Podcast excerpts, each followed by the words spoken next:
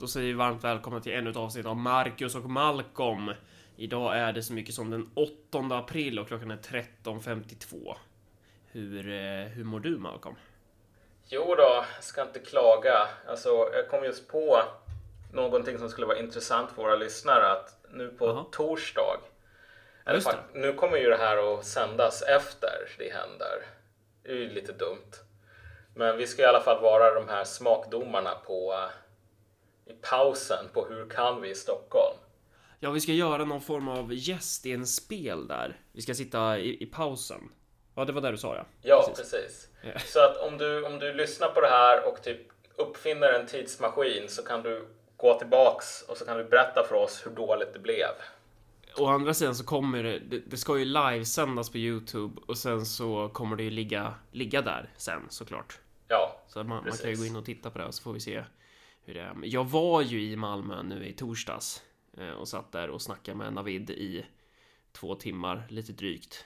Kände väl ungefär hela tågresan hem att bara varför svarade jag så där och inte så här? Och så är det att vara Marcus Allard. Ja. Nej, men jag känner så hela tiden också faktiskt. Nej, ju- fast det känns så.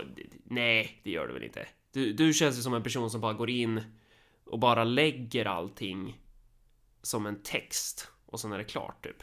Ja, Alltså- jo, men ibland blir det bra, ibland blir det dåligt och man kan få den här rösten uppe i huvudet som bara det där var jättedumt. Så, så det där känner jag ganska många gånger så här att man sitter på tågresan hem och bara vad fan sa jag så här eller varför pratar jag inte om det och så Ja. vidare. Och så fick jag så här frågor om typ när ska vi kommunister, alltså hur många gånger ska man försöka sig på att införa kommunism innan vi kommunister förstår att det är hemskt? Och jag satt där och bara skakade på huvudet typ. Alltså så här, jag håller på med Örebropartiet typ och så får jag så här frågor om liksom och så här, typ Sovjetunionen, vad, har jag med det att göra? Annat än som jävla meme nästan. Men det är väl det att man, det blir väl lite följden av att vi insisterar på att hävda att vi eh, vi är bärare av begreppet kommunism, delvis. Och då Ja, ännu en påminnelse om att vi måste göra det här avsnittet som vi har snackat om i så här hundra år nu. Ja, Ehm, vi får men- göra fler avsnitt på det, för det är ganska relevant. Vad, vad vad var det mer jag tänkte på? Eh, Nej, men jag satt där med, med eh, Navid i alla fall. Och så, tänk, och så liksom kom jag in i typ, så som typ du och jag brukar prata. Och sen så upptäckte jag att Navid är ju inte du. För jag så här, jag kan ju göra en sån grej i våran podd, att jag påbörjar tre meningar eh, innan jag avslutat den första.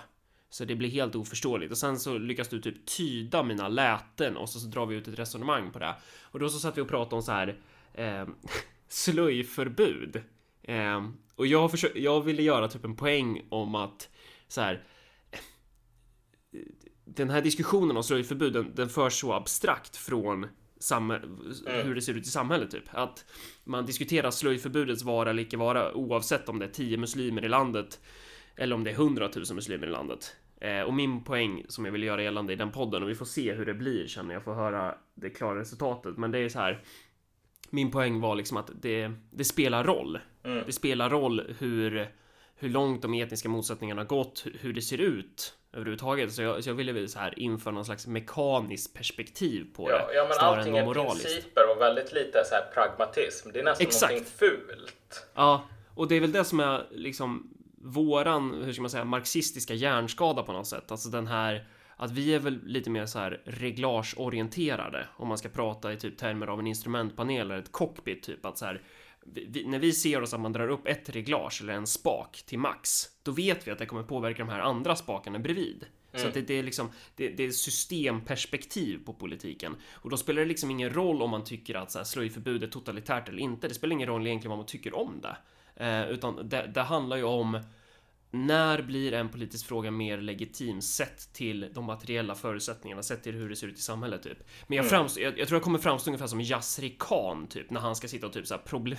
när han ska sitta och typ problematisera eh, dödsstraffets vara eller icke vara i Saudiarabien typ. Att han ska lägga in i perspektiv. Lite så kände jag mig. Vi får se hur det kommer ut i den färdiga produkten sen men ja.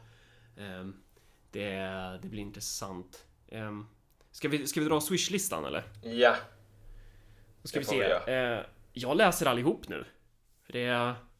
Det är inte så många den här gången. Men vi säger stort tack till alla som har swishat och till alla som eh, är patrons också. Eh, och eh, jag läser de här. Karl Johan, snälla ta upp vänsterns skruvade kritik av Israel. Ja. Ja, det skulle vi kunna, eller vi, vi skulle kunna ta upp den här Israel-frågan faktiskt. Därför att ehm, ja, den är det- fortfarande intressant. Och det är jättemycket snack om det här med du vet, Corbyns antisemitism och eh, fan och hans moster sådär så. Alltså jag känner bara spontant walk away from the knas när det gäller den där frågan. Det oavsett vad man säger i den frågan så blir det ju bara piss. Ja, det, Men, det är ju eh, det som är grejen också. Och det är, det, det är därför du gärna vill så här att vi ska snacka om det va? För att det är lite, att det kanske är lite laddat så. Ja, förlåt.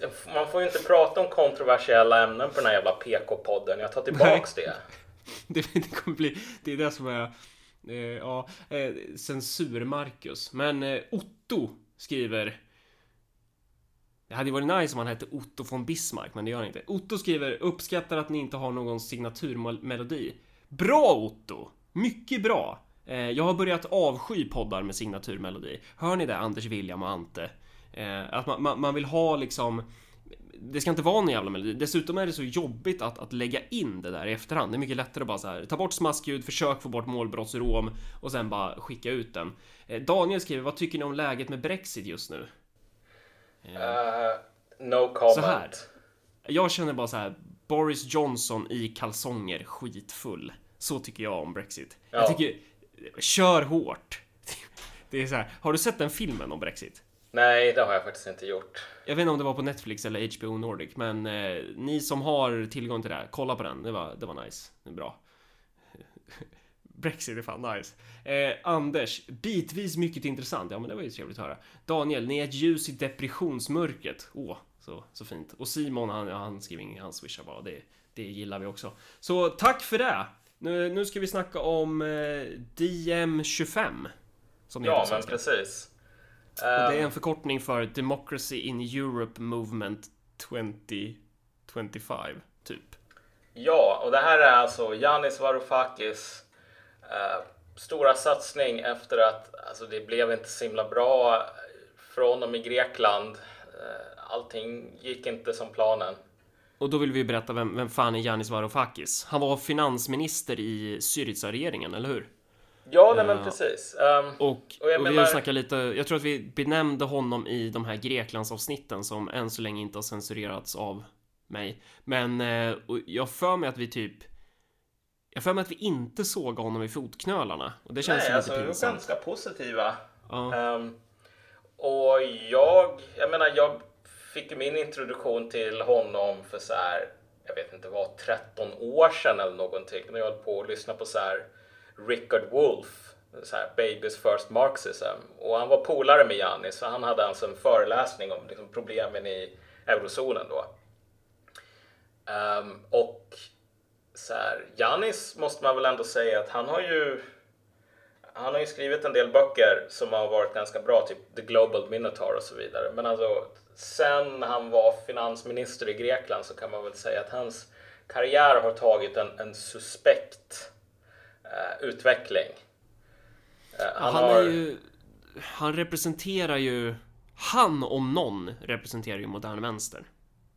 Jag tycker att han är en, en eh, ska man säga, en eh, utkristalliserad form av europeisk vänster på något sätt. Alltså ja, på många sätt, men samtidigt så här, eller, eller det som vänstern rör sig emot. Men jag tycker att Ja. en, en tanke som bara slog mig just nu, det är ju så här att han är ju en sorts anti-Marcus egentligen. Du vet, blir Ja. utesluten eller i alla fall får sparken eller avgår självmant. Ehm, och sen så startar han ett nytt litet parti. Ehm, men istället för att starta ett lokalparti så startar han motsatsen, alltså den, den raka motsatsen till ett lokalparti. Ehm, vilket är då DM25 som är ett parti som mer eller mindre menar att nationalstaten är ju över. Ehm, den är obsolet. Eh, och det finns ju ganska många som tror på den, vad ska man säga, alltså som tror på den, den berättelsen. Det finns ju ganska goda skäl att göra det. Jag menar, ta någon som Slavoj Zizek, kan hålla på och tala om så här biogenetics, eh, eh, climate change, bla bla bla. Ja, men alla de här sakerna är för stora för att alltså, en enskild nationalstat ska kunna hantera dem. Och eh, det är inte fel.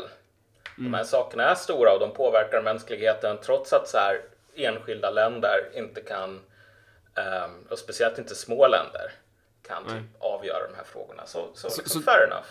DN25 är ju då alltså, när du säger motsatsen till lokalparti, så alltså det är ju, det är ju inte ens ett nationellt parti, utan det är ju ett internationellt Exakt. parti. Det är ju alltså ett, det är, man, eh, kan man säga att det är ett enhet, enhetligt parti eller snarare ett parti av partier? Det är ju ett parti av nationella partier fast på europeisk nivå, så att det är en massa olika partier i Europa som är medlemmar i den, det här partiets parti, typ.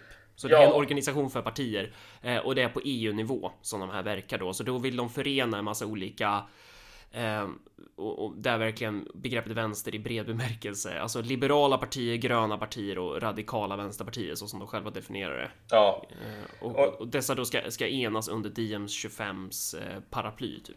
Jag tror de kallar sig själva ett parti, men alltså jag var inne och kollade lite översiktligt på deras struktur. Alltså, och det här är lite av en tangent, men jag är lite osäker på om de själva riktigt vet vad de ska vara. De Det känns ju som, med den där typen av människor så känns det som att de eh, att jag skulle få cancer om jag hörde deras diskussioner om organisationsstruktur. Typ. Ja, men precis. Jo, jo, men det tror jag verkligen. Alltså, jag tror att du skulle antagligen typ hänga dig själv eller liksom bara få en hjärnblödning eller någonting sådant. Alltså, en riktig risk för det. Nej, men för att en sak som man måste poängtera är ju att det här är ju tänkt att vara, eh, eh precis som du säger, liksom transnationellt parti. Sen så, vilket är modernt och ballt, men sen som du ser till deras organisation så verkar den inte vara så himla centralistisk, utan det är så här att eh, man har massor med något sånt här råd som ska um, klubba igenom så här, centralgruppens beslut i efterhand som, som vem som helst kan liksom, kandidera till. Och det, det verkar vara väldigt mycket influerat av den här ja, men som, som har varit en trend ganska länge. Du vet att man ska ha platta organisationer och alla som vill ska få vara med och alla ska få rösta och så vidare. Vilket jag inte behöver tycka är någonting fel med. Men alltså herregud vilken mismatch om du ska ha med dig om du ska försöka ena en kontinent på en miljard invånare. Um, det där är en organisation som kommer att bita dig i röven om du någonsin kommer ens i närheten av det här.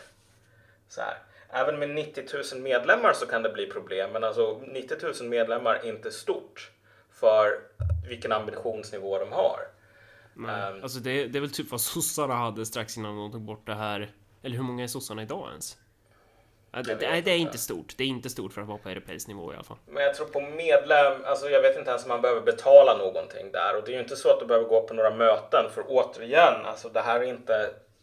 Det är inte Ja, men en- det är ju den här moderna medelklassynen. Det ska vara så jävla fräscht när man ska vara med, med i politik.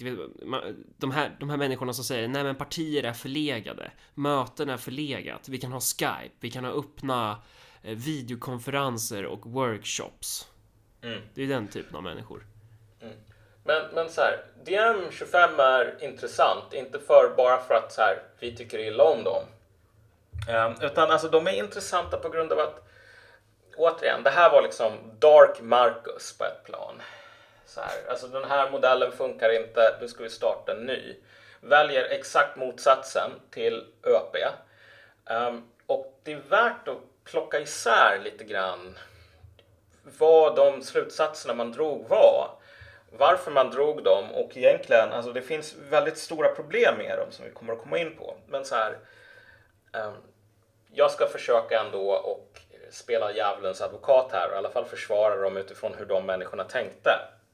Ehm, eh, och, grejen är så här att man drar den här slutsatsen att okej, nationalstater räcker inte till för att hantera våra problem. Vi behöver någonting större. Och DM25s centrala fråga det är att och det heter de ju också, Democracy in Europe. Alltså de måste demokratisera EU. Illus- Då kan man ju fråga sig vad fan betyder det då? Vad menar de med det typ?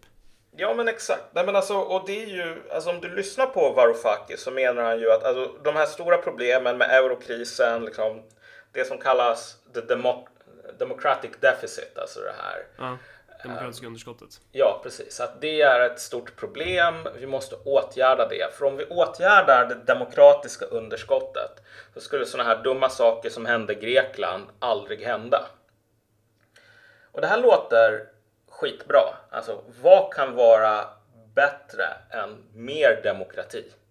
Alla får vara med och bestämma istället för att det bara är några teknokrater som får bestämma. Så här, vad för sorts invändning kan man ha mot det egentligen?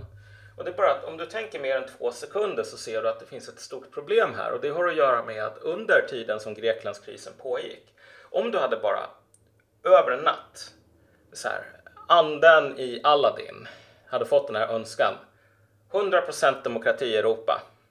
Så här, vi gör alla de här reformerna som DM25 vill ha, man får hålla på och rösta och typ ens röster betyder någonting i termer av europeisk policy. Alltså så här, tyskar eh, holländare, britter, svenskar, finnar, eh, massor med andra, typ danskar, antagligen fransmän också. De skulle ha röstat för att köra upp en hästdildo modell större i röven på grekerna för att de inte hade betalat sina jävla lån. Ja. Um, Fan vad du tjatar om den där hästdildon nu. Det är, det är varje avsnitt som du kör den.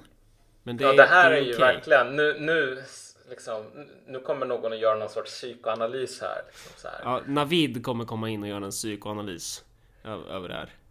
Ja, jag har läst hälften av Sol och stål nyligen också och det visar ju på så här antagligen det finns någon så här latent homosexuell energi här. Jag vet inte. Men vi lämnar det till ett avsnitt i framtiden.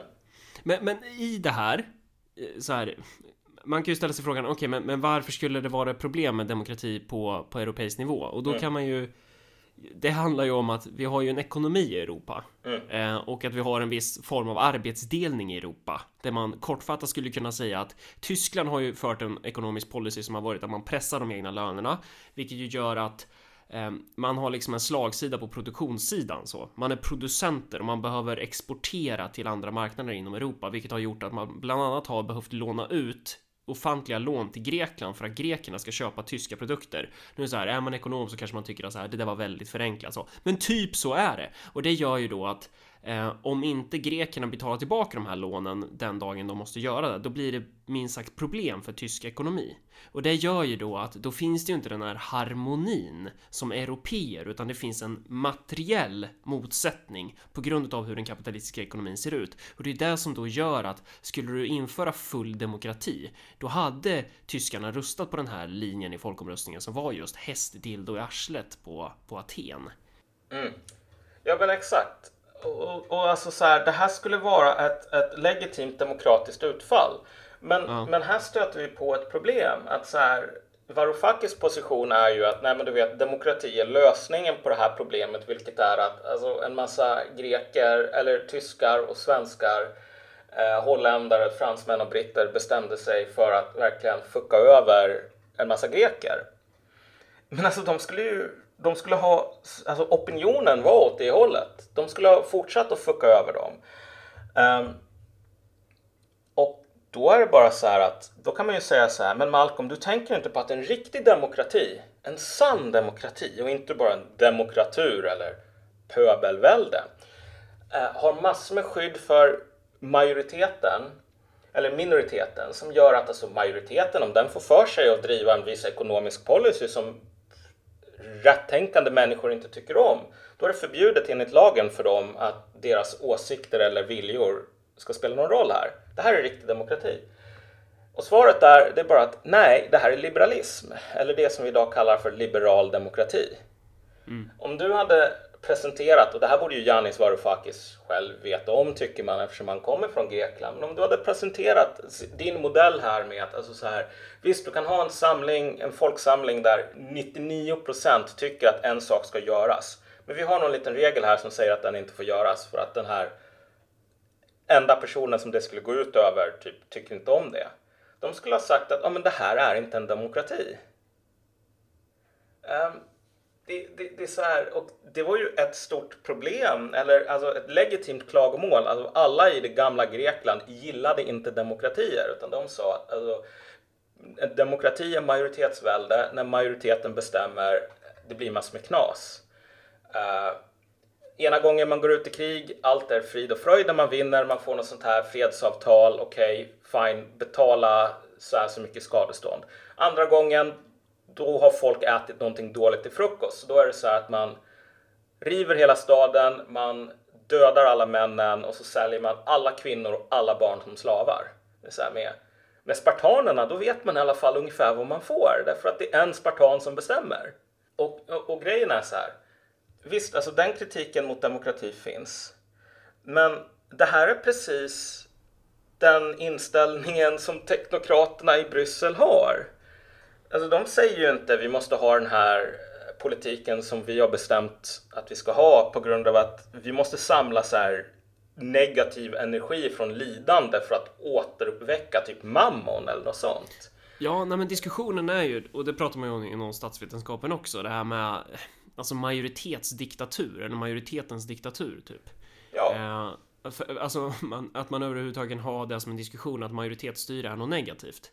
Och det, och det tycker jag också är talande för många partier idag där man liksom ska lägga in sådana här spärrar och skydd. Eh, fredade zoner för minoriteter typ. Eh, och, och, minoriteter då i termer av väljare. Mm. Att, att det är liksom att vissa väljare ska vara skyddade från andra väljare på något sätt. Eh, och om vi typ jämför med typ så här socialdemokratin och dess klassbas under merparten av 1900-talet. Alltså speciellt i Sverige och kanske i Norden överlag, eller ja, de flesta västindustrialiserade länderna så är det ju Där hade man ju i sin kalkyl över hur man skulle styra samhällsapparaten så, så låg det ju att du ska ha en majoritetsstyre. Du ska ha majoriteten av folket i ryggen. Ja. De ska rösta på ditt parti. Och det där är ju väldigt otänkbart idag. Alltså det är ju i princip bara populister som har den strategiska grundsynen i att, att det typ är möjligt att ha med sig folkflertalet. Alltså pratar du med folk inom svensk vänster eller inom europeisk vänster överhuvudtaget och speciellt personer inom DM25 så tror jag att det inte riktigt finns på kartan att man tänker sig att det ens skulle vara möjligt att kunna få 50% av, av röstbasen. Eh, och det hänger väl ihop lite med att man kanske undermedvetet är medveten om vad man har för klassbas. Ja, ja, jo, men jag vill återkomma till den poängen efter att vi mm. har slutgjort det här med det. Okay. Alltså, mm det som vi var inne på tidigare. Jag vill bara tillägga här att alltså det som du tar upp här har lett till en väldigt intressant situation i, i relation till, till Polen till exempel. Därför att i Polen så har du, alltså du har svenska socialdemokrater som klagar över att polackerna, alltså, och det här partiet som ändå kan samla nära på en majoritet. I alla ja, fall lag och rättvisa eller? Ja, precis. Alltså som ja. verkligen har skitbra siffror. Um, de håller på att ändra sig konstitutionella system till att bli som Sverige. Mm -hmm. Alltså till att komma till den punkten som Sverige är idag. Och Sverige är vid den här punkten som Sverige är idag på grund av att sossarna styrde och sossarna sa att vi kommer alltid vara så här stora. Så varför skulle vi ha ett system som belönade eh, som inte belönade den som var störst med i princip all makt? Alltså en tangent där är ju att sättet vi räknar ut våra mandat i Sverige. Det är ju en viss ekvation som gör att den tog ju fram, jag för mig att den togs fram under koalitionen mellan Bondeförbundet och Socialdemokraterna på 50-talet i syfte att hålla små partier ute, det vill säga kommunisterna.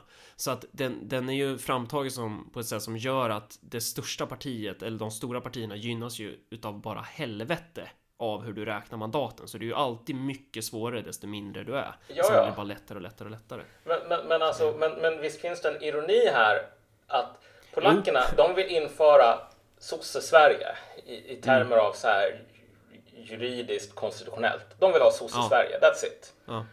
Um, och de som klagar på det för att det här är hemskt och inhumant och illiberalt, det är sossar som redan lever i det. Och som nu börjar tänka, nej men vi måste, vi kan ju inte ha sosse-Sverige längre för sossarna är inte stora nog för att de ska kunna vinna på det här. Men för att återkoppla till alltså det som vi talade om tidigare här. Så att problemet här för Yannis Varoufakis är ju att i slutändan um, om han vill ha radikal demokrati i Europa, jag menar då, då är han inte seriös med uh, det, det som han menar här, vilket är att Greklands kriser och liknande, du vet att en befolkning eller en, ett segment här av den nya europeiska totala populationen kommer att bli knullat i röven av människor som har en majoritet. Så här, det kommer inte att försvinna. Om man säger att nej men okej, det kan inte försvinna av sig självt, men om vi har en process av att utbilda befolkningen i så saker som är bra, medan vi under den perioden innan folk är kapabla att undvika att göra sådana här uppenbart dumma saker som att säga att förvandla Grekland till en parkeringsplats. Eh, då behöver vi ha vissa alltså, begränsningar i vad folk får rösta om och alltså, var deras röster spelar roll och så vidare. Jag menar, alltså, det här är exakt på det sättet som EU-teknokraterna resonerar. Liksom, vad är det som är nytt här? Um, och då kan ja, man det nya är väl att det är DM25 som ska vara teknokraterna istället för... Ja, misstanken är väl att det är väl ungefär så som det skulle se ut i praktiken. Att okej, okay, men nu har vi nya teknokrater som du vet har bra åsikter. Ja, det behöver ju inte vara fel att de åsikterna är bra utifrån ja, liksom individuell bedömning och sånt där. Men jag menar, det, det är ju en lögn i, i så fall vad, vad projektet handlar om. Men det här är första biten i det här grundläggande problemet i, i, i den här, det här partiets världsbild skulle jag säga. Det andra problemet är bara så här att vi säger att Yanis Varoufakis säger att okej, okay, men vet du vad, demokrati är demokrati är demokrati. Folk får rösta om att göra dumma saker, whatever, men nu är vi alla ett europeiskt demo Så vissa puckar får man ta. Det som skulle hända då är inte att grekerna skulle säga ja, Janis Varoufakis, den här personen som vi älskar så mycket nu 2022 eller vad det nu blir. Och de skulle säga, nu är det massor med jävla svenskar och tyskar och holländare och britter och fransmän som har bestämt att förvandla Grekland till en parkeringsplats. De har ingen rätt att göra så här mot oss. Ingen i Grekland skulle säga, vet du vad, okej, okay, jag är en del av en, en paneuropeisk demokrati. Och i en demokrati så betyder det så att um, när man förlorar då får man acceptera det därför att så här, vi drar alla åt samma håll. Och jag litar ändå på att de här människorna som vill förvandla mitt land till en parkeringsplats ändå har mitt bästa, eller du vet, kollektivets visdom kommer att vinna till slut. De kommer att säga jävla utlänningar, ni har ingen mm. rätt. Och det är det som blir skillnaden då om du jämför med nationell demokrati. För att, för att en demokrati ska kunna fungera så måste det finnas den här legitimiteten i att alltså, förloraren accepterar att vara en förlorare. Mm. Uh, för att vissa skulle ju hävda till exempel att Norrland utsatt för en intern imperialism inom ramen för den svenska nationen. Mm. Uh, det är ju det är ett sånt perspektiv som finns. Uh, och men, men, Sverige är ju liksom, det är ju än så länge en enhetlig nation.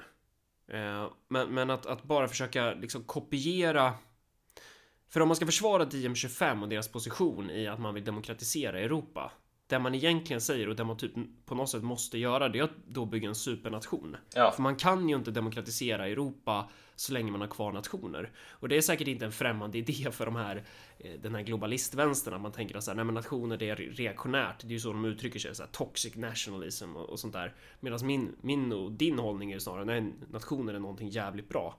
Eh, men de här personerna är ju det är väl ungefär det perspektivet de har, att de vill bygga en supernation. Och bygger man en supernation, ja men då... Eh, då gör det inget om, om Grekland blir en parkeringsplats kanske. Eller, eller, eller så kommer inte Grekland bli en parkeringsplats för att alla kommer känna med grekerna så. Mm. Och, och, och, saken här är ju bara att um, även nationalstater som är en mycket mindre nivå av komplexitet jämfört med supranationalistiska projekt som aldrig har implementerats på det sättet som Janis Varoufakis drömmer om. Jag menar, det har funnits imperier. Men grejen med imperier, det är så här att um, det finns en person som sitter i Wien eller i London eller någonting som ger order och om du inte lyder order då blir du ihjälslagen. Um, alltså demokratiska imperier? Nej. Så att, alltså, det är en modell som jag tror inte kan existera men som i alla fall aldrig har existerat. Men så här, även nationalstater som är den här mycket mindre nivån som är obsolet har det här problemet med att eh, stundtals är det så att människor säger vi accepterar inte det här resultatet. Ni röstade eller ni bestämde, whatever, det gäller inte oss längre.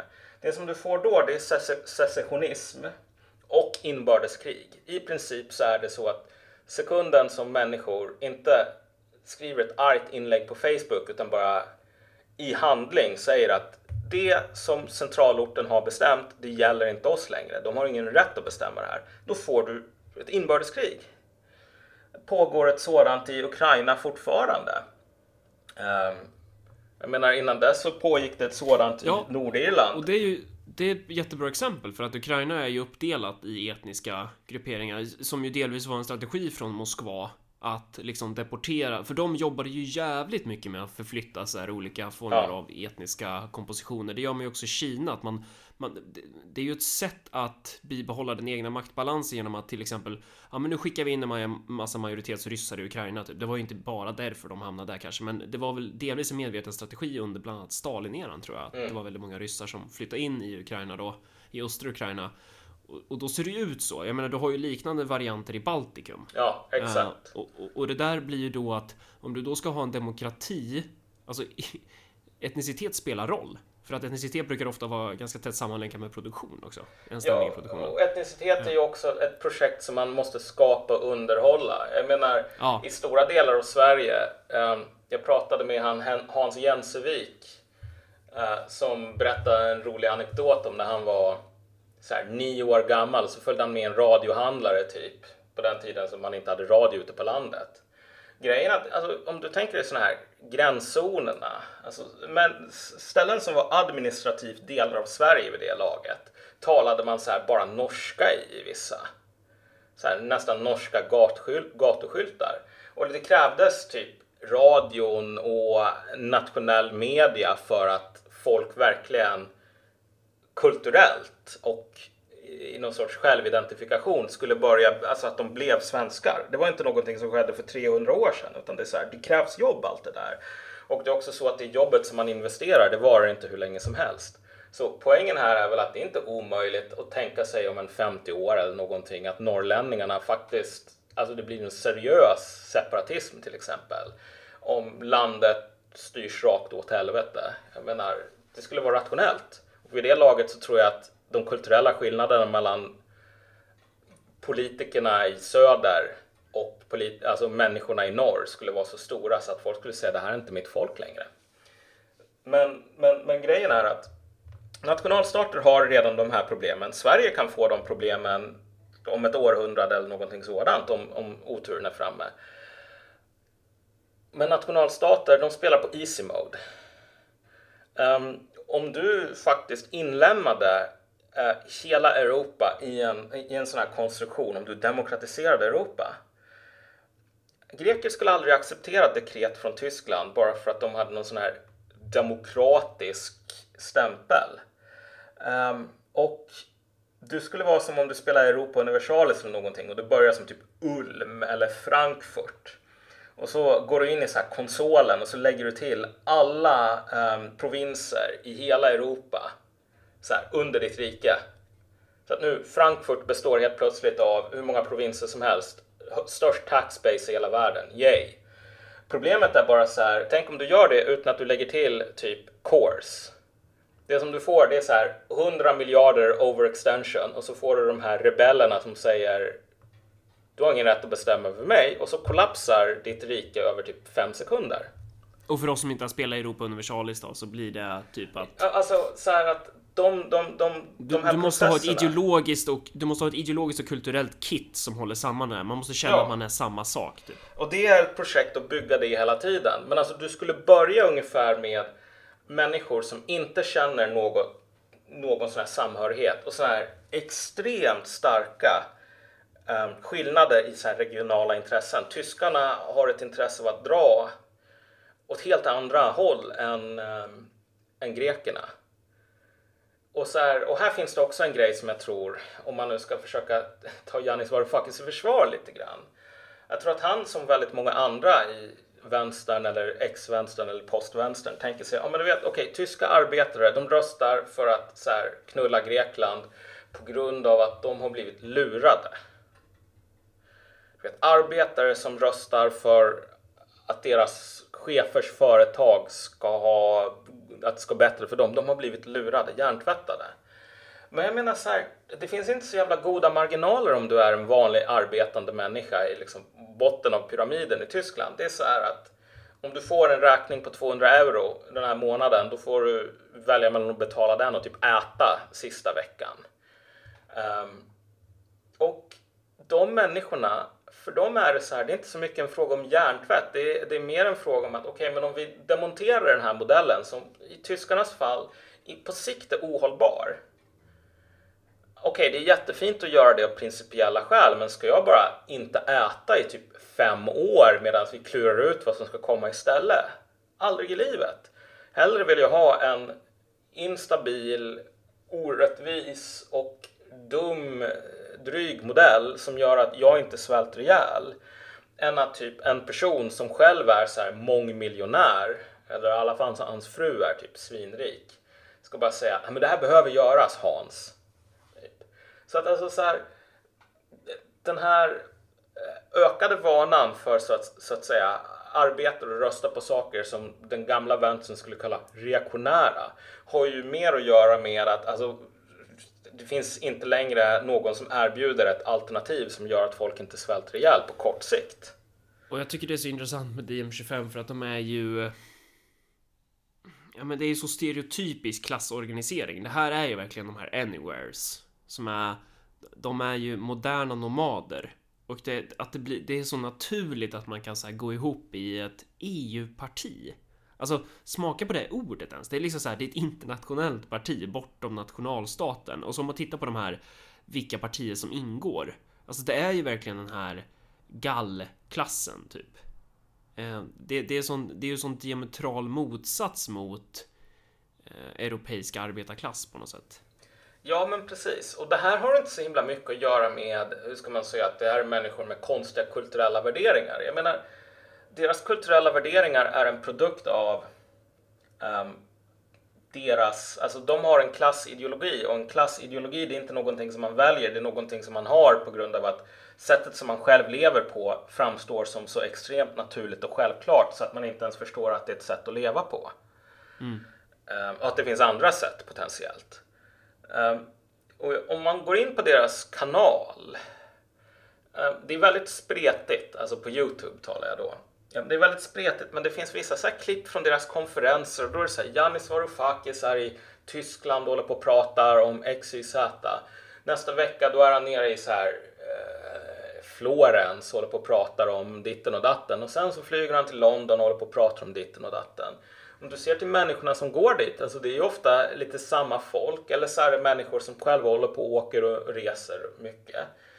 Ehm, folk från Tyskland som pratar bra engelska på grund av att de är verkligen en del av den internationella klassen och typ tycker att det är förlegat att tyskar ska prata tyska typ.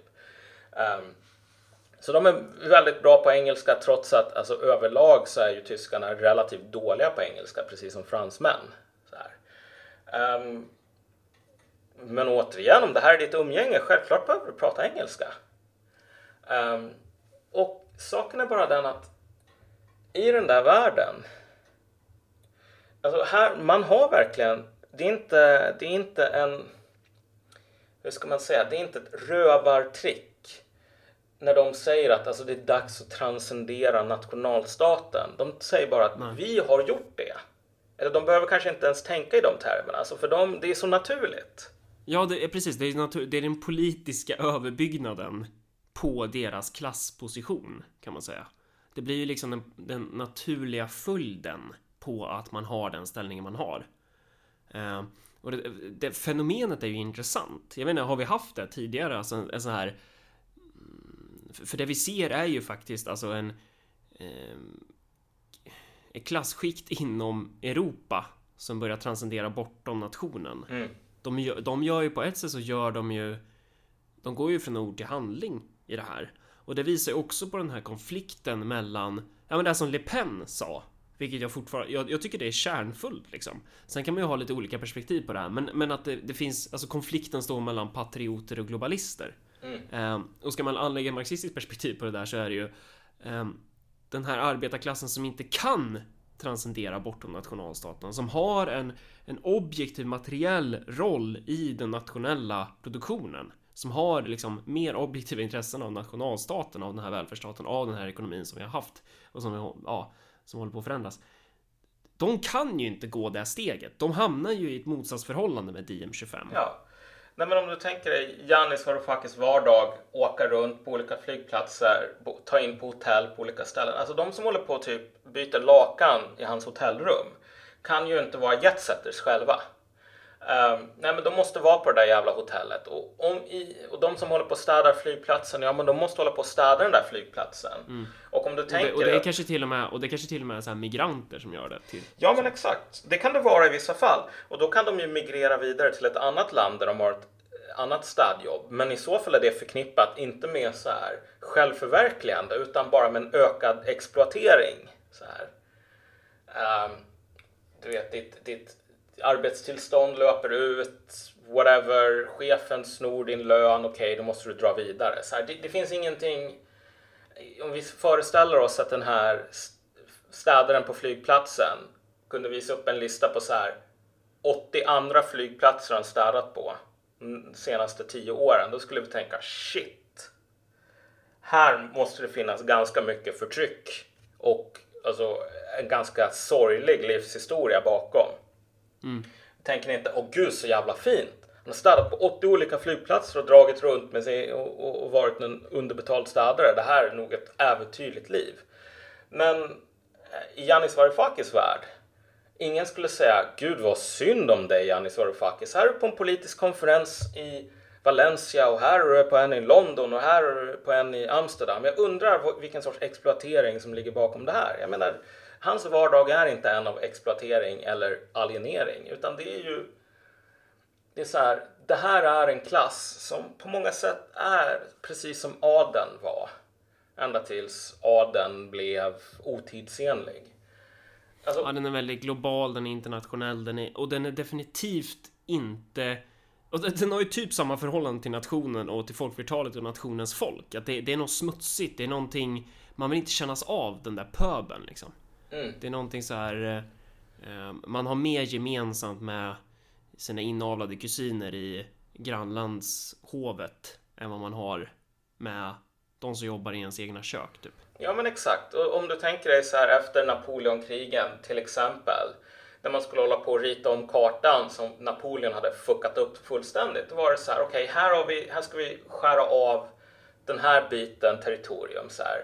Den behöver gå till typ familjen, liksom till Bourbon, Bourbonerna. Och den här biten, den behöver gå till den här släktingen, till um, den här liksom tyska hertigen för att han, du vet, vi, vi, vi skyllde honom en tjänst. Hans jävla brorson behöver ett eget så här hertigdöme.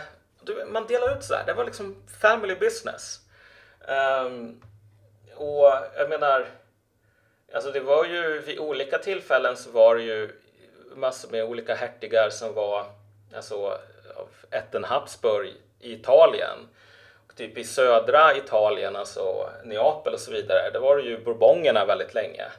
Och sen så var det Habsburg i Spanien och så dog den här sista inavlade kungen och så tar man in Bourbonerna till slut. Sådär. Alltså, man, man, det var ju ingen tanke på att ah, men nu, blir, nu blir du spanjor.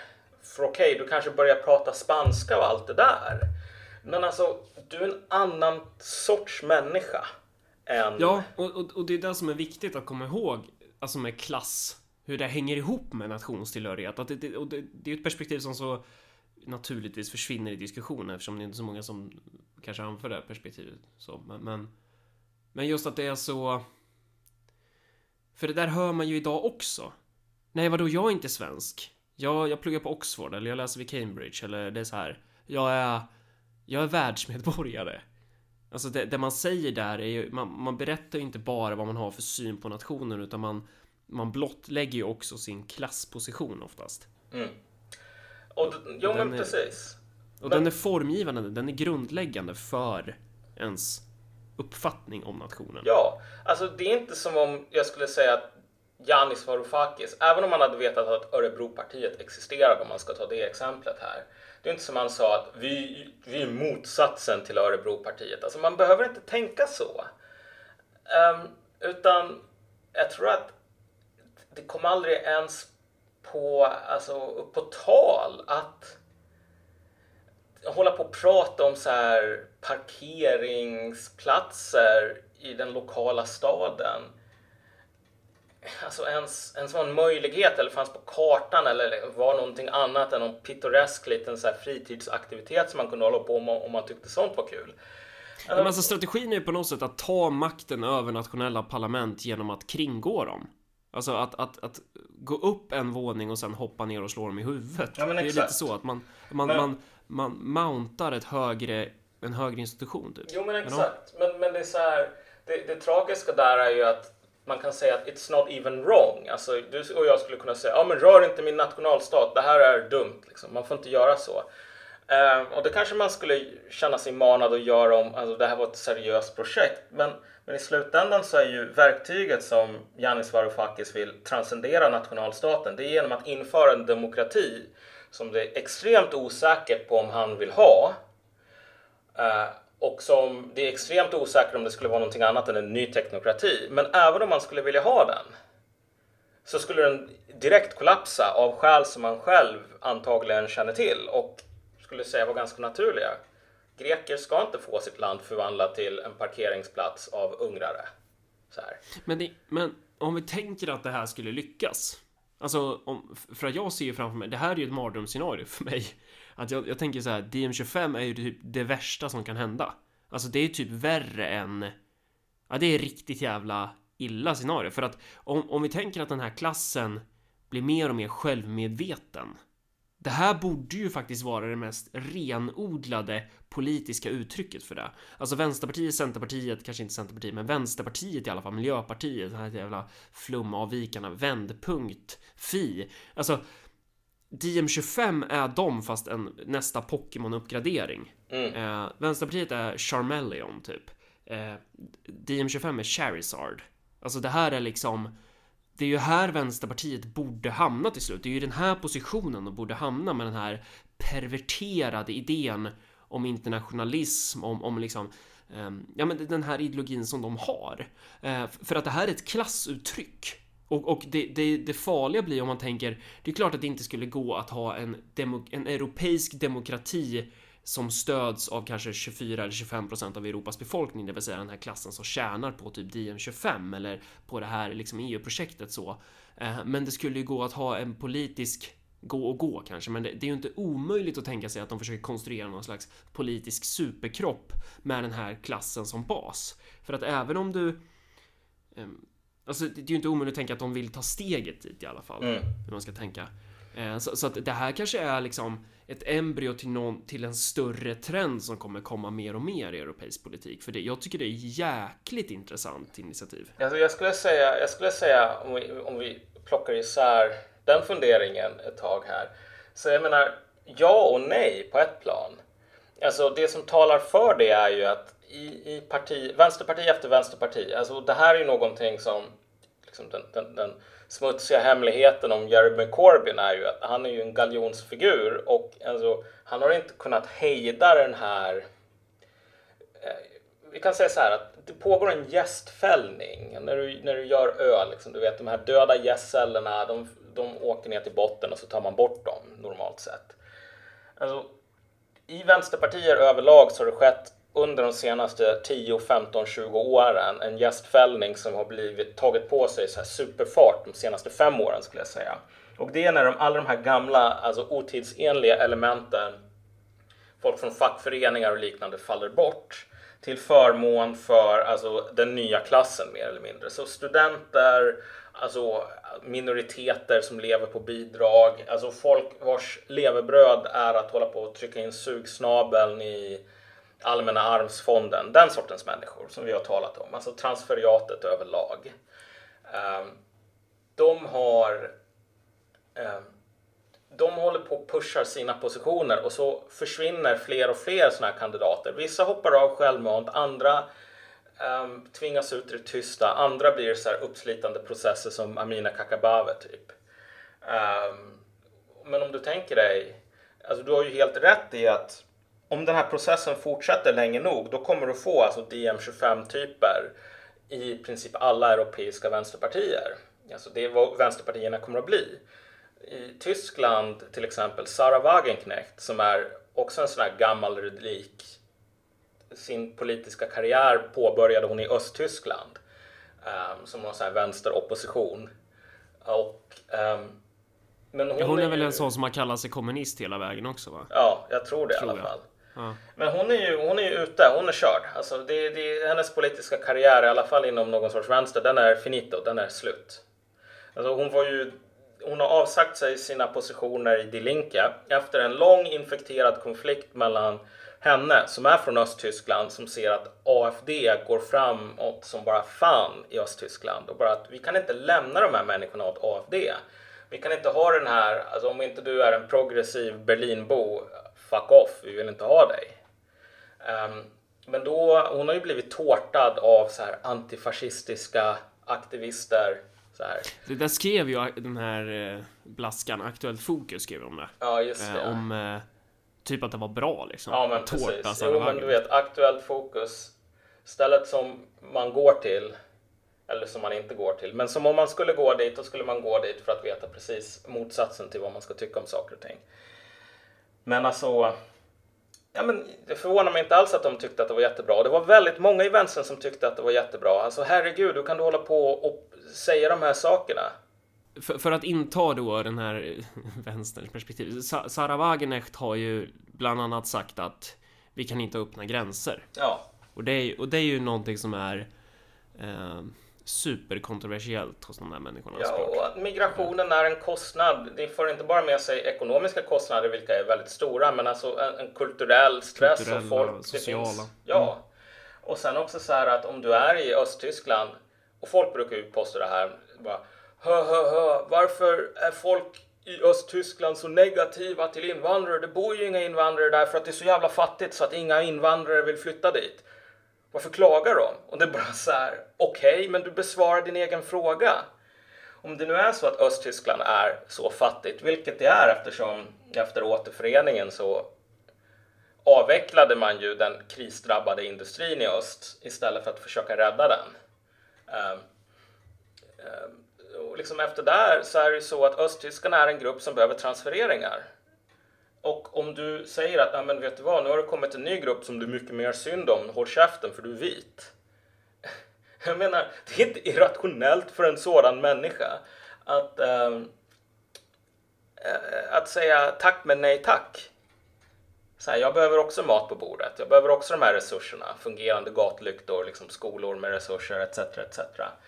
Äh, och om du säger att det här ska ske på min bekostnad då kommer jag säga nej och jag kommer att leta efter ett alternativ som kommer att säga att det ska inte ske på min bekostnad.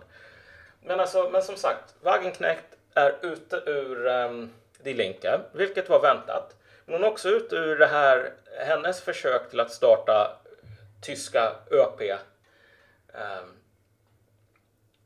nu, nu, nu, nu, nu ja, jämför ju allting med ÖP liksom. Som ja, det känns rimligt. Ja. ÖP kan man väl inte säga. Tyska ÖP. Det var väl, hon skulle väl starta någon, var det inte nästan någon tysk, det var någon folkrörelse typ? Ja, det var alltså. Inte lokalparti. Lite det heter väl Aufstehen eller någonting? Aufstehen, precis. Um, Aufstehen, ja. Och det var lite oklart. Det här skulle vara någon sorts bred allians, någon sån här diskussionsforum slash samarbetsklubb för människor över partigränser vad var typ- det man sjöng i DDR, förlåt jag avbryter, men vad var det man sjöng i DDR-hymnen? Var det Auferstanden? eller Auferstanden, precis. Auferstanden. Det är uppstånden ur ruinen. Varför? Ja, det hade varit coolare om de döpte det till det, men ja. Mm, men, men, alltså, mm. men det här är ju böjning. Aufstehen betyder samma sak. Men alltså, och jag är så jävla dålig på grammatik så jag vet inte om det är ett annat kasus. Nu skämmer jag ut mig. Kan, men alltså, kan du tyska? Kan du prata tyska? Alltså, jag, jag pluggade det under, under gymnasietiden. Så jag kan förstå och läsa tyska, men jag så jävla har blivit så rostig. Men du kan förstå och läsa tyska, men du kan inte tyska. Nej, men alltså, jag kan förstå lite grann och jag kan läsa om jag får tid på mig. Men alltså, ja. men, men hur som. Alltså, Aufstehen betyder typ res er upp. Eller ja, så hur som helst. Um, det där var menat att vara någon sån här diskussionsklubb inte liksom ett riktigt parti. Man skulle försöka samla alla de här krafterna som fattade att um, så här, vi kan inte bara säga typ om inte ni vill ha hbtq-certifiering och typ indragna bidrag för att det ska gå till människor som är mindre privilegierade än er, fuck off. Rösta på AFD, för det är vad ni förtjänar. Men alltså hon har ju blivit efter någon sorts maktkamp och massor med interna kontroverser så har hon ju förlorat kontrollen om, om, om den organisationen också. Och den har ju ställt sig på motsatta sidan då. Och det där, det där är viktigt att, att tänka för att det finns några fåtal personer som tror på fullaste allvar att det går att inom vänstern vrida fokus mot arbetarklassen som bas. Men det kommer inte gå. Alltså det, det, den här konflikten mellan det här transferiatets lägre och högre skikt mm. kontra den inhemska arbetarklassen. Den kommer skära genom varje politisk organisation och de, de organisationer som försöker att, att förena de här två perspektiven, de kommer gå sönder och samman. Så det är liksom, man måste välja sida där. Alltså, man måste verkligen välja sida. Det roliga... För det, det, där är ju en... Ja, jo, ja. men du, du har helt rätt. Men jag tänkte bara tillägga att det roliga där är ju att högern har ju fått den biten gratis på något plan, alltså till stor del. Så de så att säga, alltså det, här ligger det liksom en landmina begraven som de har eh, kunnat gå runt. Inte på grund av att de har en metalldetektor och en bra analys över vart den här landminan ligger och varför den ligger där, utan så här, bara för att man tycker att de här människorna är dryga. Alltså, man har gått in med en så här, du vet, kulturell eh, en sån så här att ja, men de här transferiatmänniskorna, feministpack. Mm. Nu måste jag lägga på här. Hos mig eller hos? Så. Ah, det här är verkligen, det här är professionalism. Man stänger inte ens av mobilen innan. Nej. Um, hur som helst, det jag tänkte säga är ju att högen här mm. har ju de började och nu förenklar jag väldigt mycket, men de började så här med att ja, men de här feministerna och så vidare, de, har, de är dumma, de är dryga, vi tycker inte om dem, vi tycker inte om deras idéer, vi ska motarbeta dem. Och så här, vilka kan vi få hjälp av där? Ja, men folk som inte tycker som dem. Och typ, vilka är det? Ja, det är inte akademiker i alla fall. Um, men alltså, och på så sätt så undviker man att få den här interna klasskonflikten. Visst, det finns massor med akademiker i allt högen, men det är ju så här deklassé-typer oftast. Ehm, det är inte människor som har en jättebra akademisk karriär, utan folk som har failat på grund av att de inte har rätt kompisar. Så att man har inte den här interna splittringen.